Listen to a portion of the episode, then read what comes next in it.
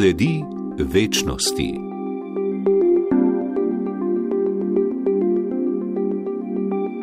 Dobro dan in prav lep pozdrav vsem poslušalkam in poslušalcem oddaje Sledi večnosti nacionalnih radijskih koordinat.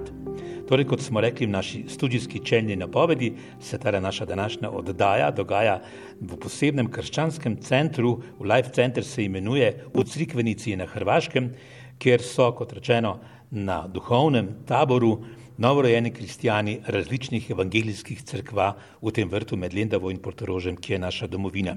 Duhovni spiritus agens teh družen je magistra Vanessa Čani iz Celja, znana slovenska razlagalka Božje besede, in mi smo veseli, da lahko tole oddajo začenjamo prav z njo.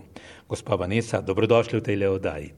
Hvala lepa tudi vam, mi je v veselje. Vi že vrsto let prirejate tele seminarije, tele duhovne tabore za vikend, dva, tri, štiri dni.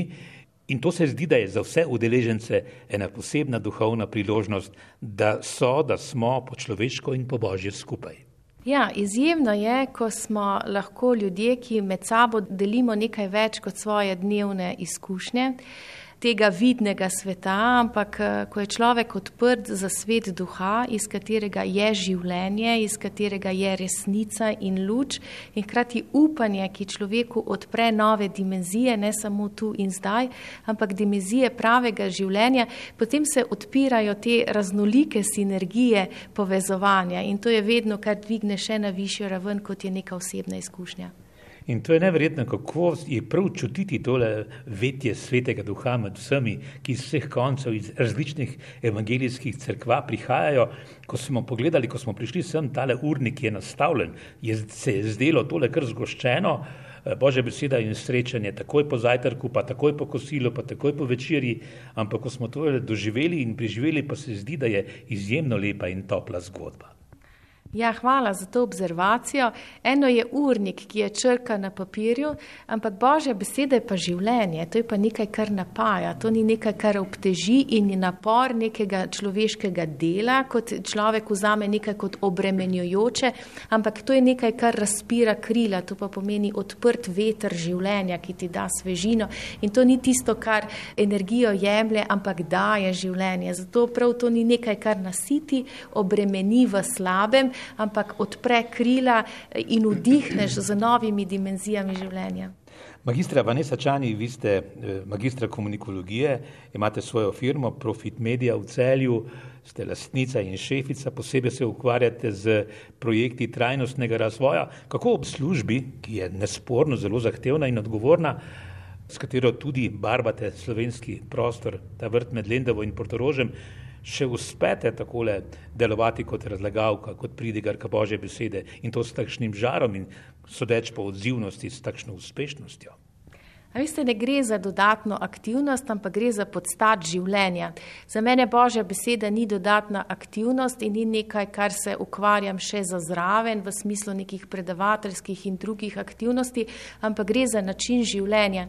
Kajti v življenju sem ugotovila, da človek ne živi samo iz teh čustvenih, mentalnih in sicer drugih aktivnosti, ampak da je človek pravzaprav najprej ta duhovna identiteta in entiteta in ko se poveže z najvišjim, Gospod Jezus Kristus, in On potem živi v mojem življenju in je to raven zavesti življenja, potem je to nekaj, kar preprosto iz tebe teče, to življenje. Se pravi, če imaš ti vir reke žive vode, ki je v tebi mogočna in ima v sebi svojo moč, ni treba, da, da, da jo jaz poganjam, ampak v sebi ima svojo energijo in svojo moč in svojo zavest in svoje hotenje in svoje žuborenje, resnice in življenja in svobode, potem se to pretaka in to ni aktivnost, ki je naporna, ampak to je pravzaprav aktivnost, v kateri plavaš.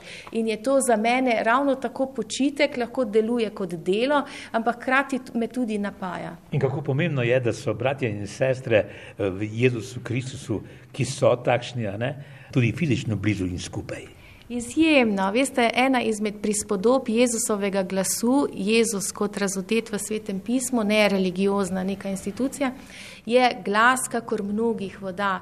In ko se človek ustavi in e, izstopi iz te prezasedenosti in okupiranosti sebe samega, ko se človek neka ukvarjati samo sabo, ampak zmore videti tudi sočloveka in slišati njegov glas, v njem prepozna tudi ta e, komplementarni glas. In vsi skupaj, ko se zlijemo z enotnostjo vsak svoje frekvence, se potem skupaj zasliši glas, ki je toliko višji in toliko mogoč močnejši ravni in to je odsev Kristusovega glasu. Tako da v bistvu za mene je to izjemno bogatstvo slišati vse te melodije in perspektive in konco, konco je tudi Maurica, ne, ta mogočna bela svetloba, v kateri so raznovrstne svetlobe in ko vidiš vse te odtenke, je pač veličina Božje lepote.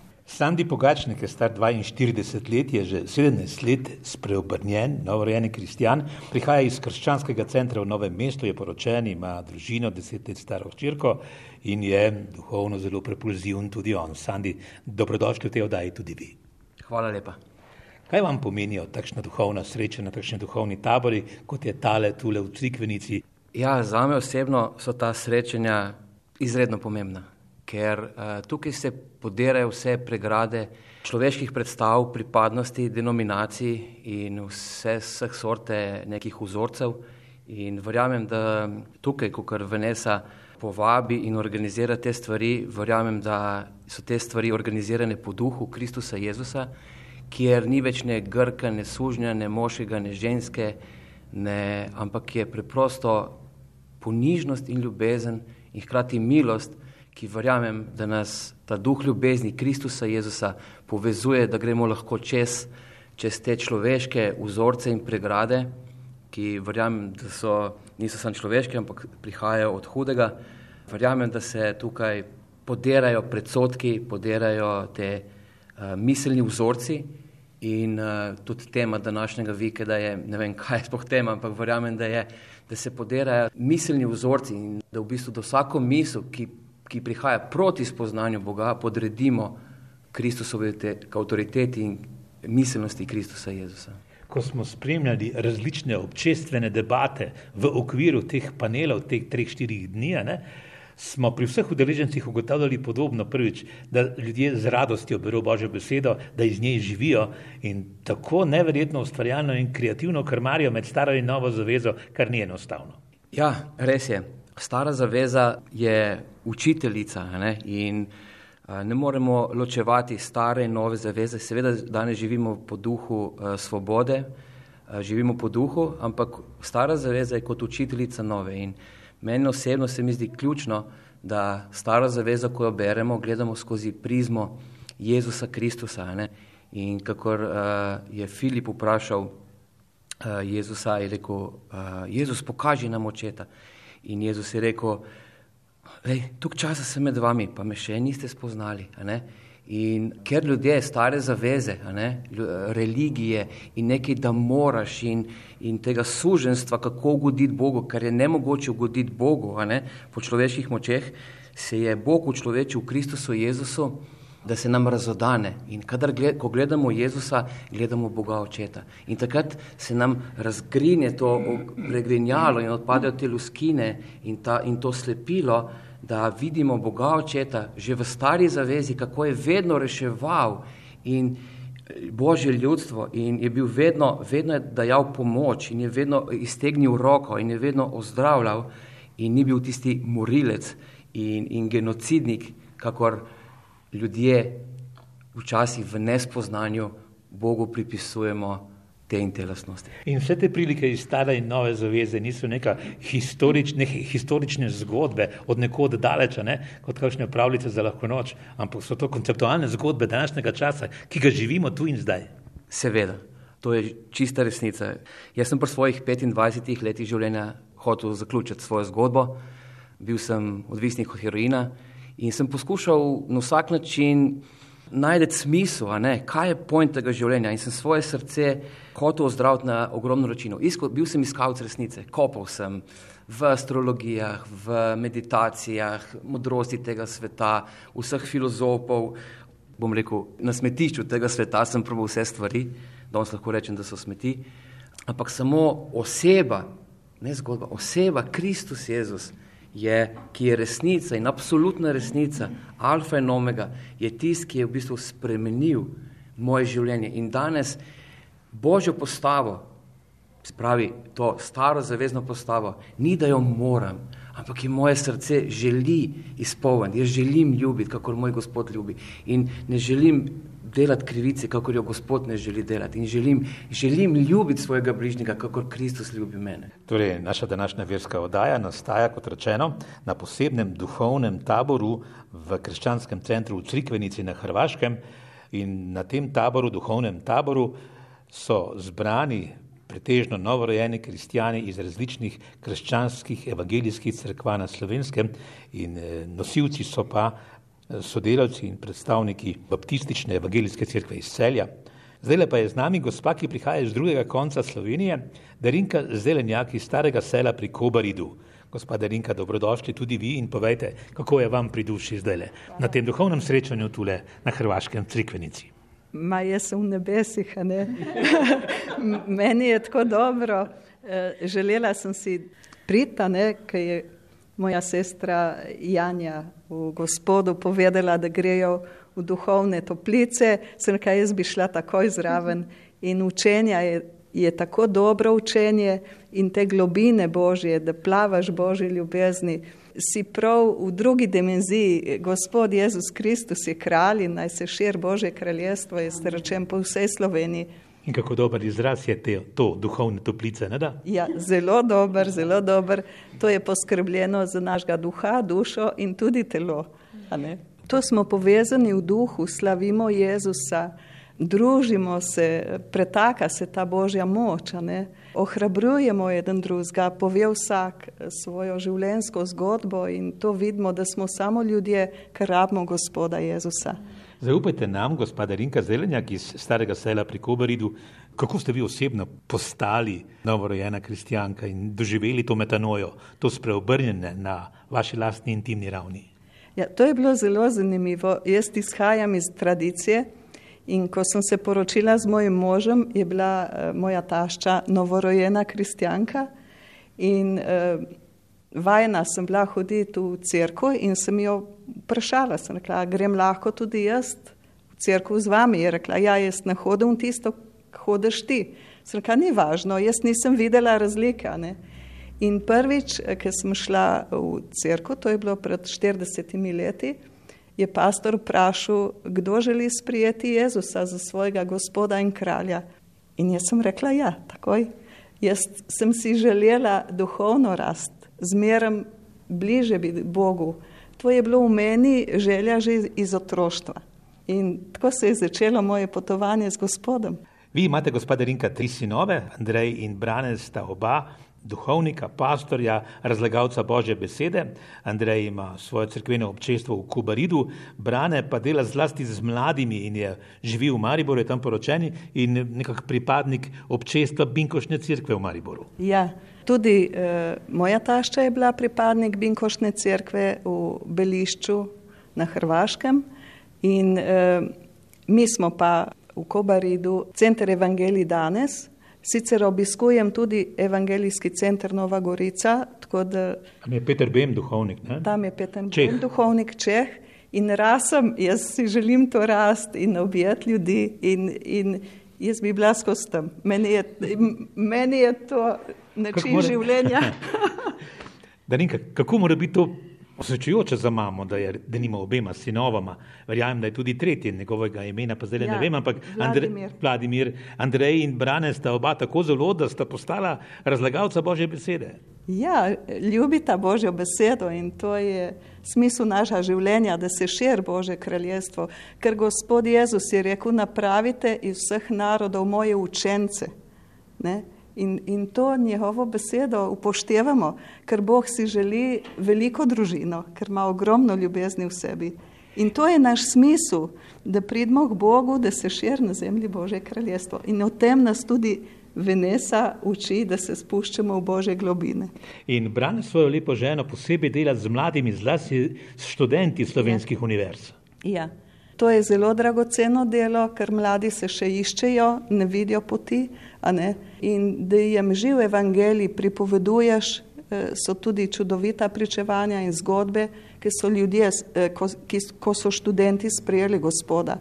Ne, ker na univerzah ni ravno božje besede veliko, zato je treba pa po ulicah jim povedati, da se vsako priliko izkoristi, da pridijo tudi mladih Bogu, da, da spoznajo, da je Gospod ljubi, da je njihov namen življenja, da živijo za Jezusa, da oznanijo naprej mlada generacija Božje kraljestvo. Povejte, magistra Vesačani, kot razlagalka Božje besede in kot spiritus agens tele lepe duhovne zgodbe tule v Crikvenici, ko opazujete te pripovedi Sandija in Darinke in zdaj boste slišali še Stanko Kašnar iz eh, Dobrove pri Ljubljani, kako tudi vam to polni dušo, ne da? Vsaka zgodba je unikatna, izjemno neponovljiva, topla in sjajna. Vsaka vrednost uh, zgodbe je ravno v tem, da je pisana na unikaten način in ko vidim to, te iskrenosti v razvoju svojega namena, je zagotovo za mene velika vrednost, kajti se mi zdi, da to, kar nam Gospod daje kot vrednost, je pogosto zapakirano v en tak paket, ki se niti sami ne zavedamo, kaj je noter. In ravno v druženju z Gospodom se te dimenzije, te vrednosti, vseh teh darov in vseh unikatnosti v nas odpira in v luči Boga lahko spoznavamo tudi sebe v, svoji, v svojem originalu. Tako da, ko človek je razbremenjen tistega lastnega eh, zunanjega make-upa, primerjave in spenjanja po nekih lestvicah teh socialnih, ekonomskih in drugih primerljivosti, potem lahko zaživiš v originalu in ta original je lep in dragocen. In ko vidiš to m, odkrito, ne, ne, ne s fasado ali pa z make-upom nekako zdeformirano, ne, neko človeško osebnost, ampak ravno to, ta pogum, da si originalen, da si iskren, da daš tudi navidno to, kar nosiš v sebi, v avtentičnosti in ne v izkrivljenosti, to ima izjemno moč. Mnogi na slovenskem vas poznajo kot ekscelentno, izvrstno predavateljico tematik z področja integralnega razvoja pri nas, ne, trajnostnega razvoja. Jaz verjamem, da vam tudi tale vaša duhovna elokventnost prav pride, tudi pri tem civilnem predavanju, ne, da tista notranja moč, ki v backgroundu pomeni vaše osnovo, vaš, vaš jaz, ne, da v bistvu tudi povezujete in tem skrivnost, da so tudi tisti v laičnih predavanjih navdušeni nad vami, začutijo tisto ozadje duhovno. Ne da? Ja, zagotovo v predavanju lahko daš sebe in svojo avtentičnost, lahko si pa zgolj nek medij za, za podajanje nekih informacij. Jaz vedno želim za sogovornikom doseči nek osebni odnos, zato tudi vstopam z neko iskrenostjo, ki jo nosim v sebi. Ko pa omenjate trajnostni razvoj, je pa to stvar vedno izhodišča perspektive, kako na to gledaš.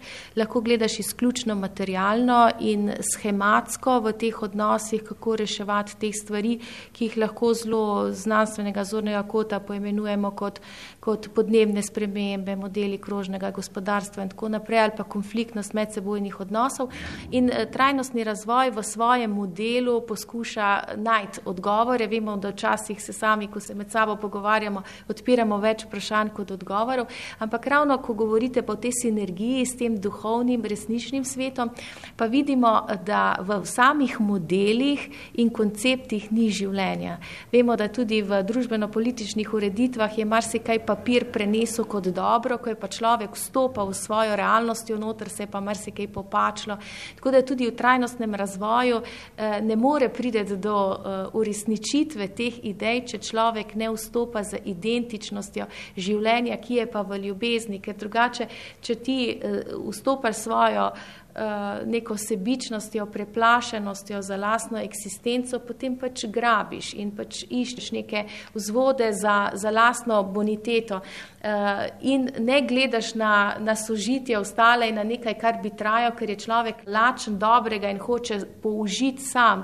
Medtem ko tu je za mene perspektiva trajnostnega razvoja, ki ima v sebi zlasti te dve dimenzije nekaj, kar traja, ne, se pravi, gre za eksistenco ne samo tu, ampak je vzdržna na dolgi rok ali pa za večnost, po drugi strani ima pa element razvoja. In ravno Jezus pravi, da z mogočnostjo svoje besede nosi vse in vse, kar daš v njegovo roko, tudi če daš malo, vse v njegovi roki postane veliko in mogočno.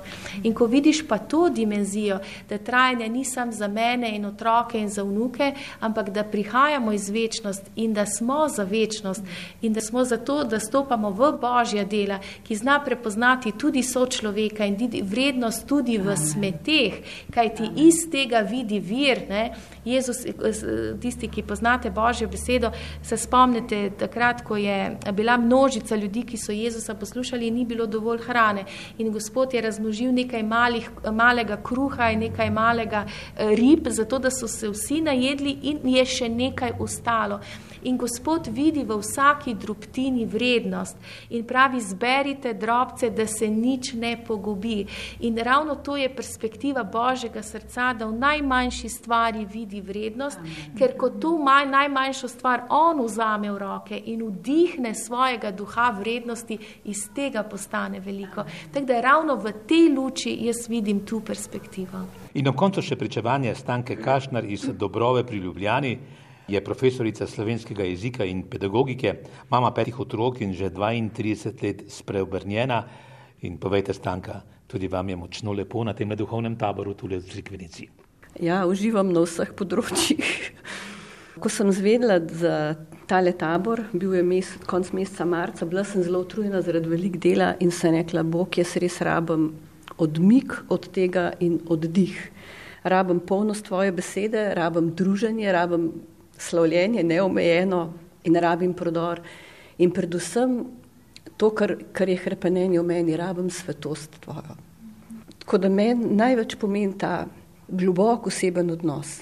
Super je beseda in jo rabimo, super je učenje in ga še kako krvavo rabimo. Ampak če nimaš tega svetega časa, ki gledaš iz oči v oči in se napajaš direktno, potem se stvari odidejo. In se porazgubijo, nimajo vrednosti. In kako pomembna je ta bližina, ne kot pravi v svetem pismu, eh, kako žlahno je, če bratje in sestre prebivajo Amen. skupaj. Amen. Uh, predvsem so mi všeč, rečemo, to uh, duhovni zajtrki Božje besede. Preučujemo zgodbo in potem res vidiš, kako Bog vsakega od nas drugače nagovarja in kakšno vrednost vidim. Eden vidi to, drugi spregovori o tem, drugi dobi asociacijo na to. In meni to govori o tej pestrosti Boga. Kaj vse ima Bog in kako različne darove daje. In če damo te darove skupaj, ker je rekel, ne, Bog daje cerkvi različne, različne darove, ampak te darove so zato, da služimo drug drugemu in da drug drugega izgrajujemo, da bomo sveti in usposobljeni. Meni je to res užitek. In predvsem, kar mi je še tako dragoceno, ne? jaz sem išla iz tradicionalne krščanske družine, pa ko meni je bilo tako globoko krepenje po Bogu. In jaz sem v življenju zgrešila in sem mislila, da sem da je odpisana in da za me ni več pomoči. In beseda, ki je prišla takrat, je bila, Jezus je prišel iskati in rešiti, kar je izgubljeno. In to je na meni, tukaj ni nihče izgubljen. Tukaj ni človek, ki je imel take težave, une težave. Bog pride in reši prav tiste, ki so v svetu zavrženi. To, kar je v človeških očeh nevredno, ker nima izhoda in to on čistim izpostavil kot dragoceno. S tem pa zaključujemo ta prvi del našega pričevanja, duhovnega poletnega pričevanja, tule na tem nekrščanskem taboru v Crikvenici.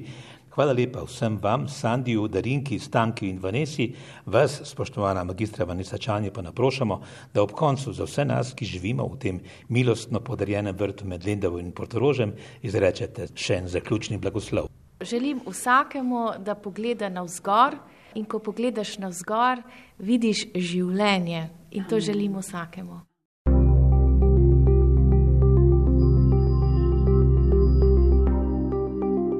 Sledi večnosti.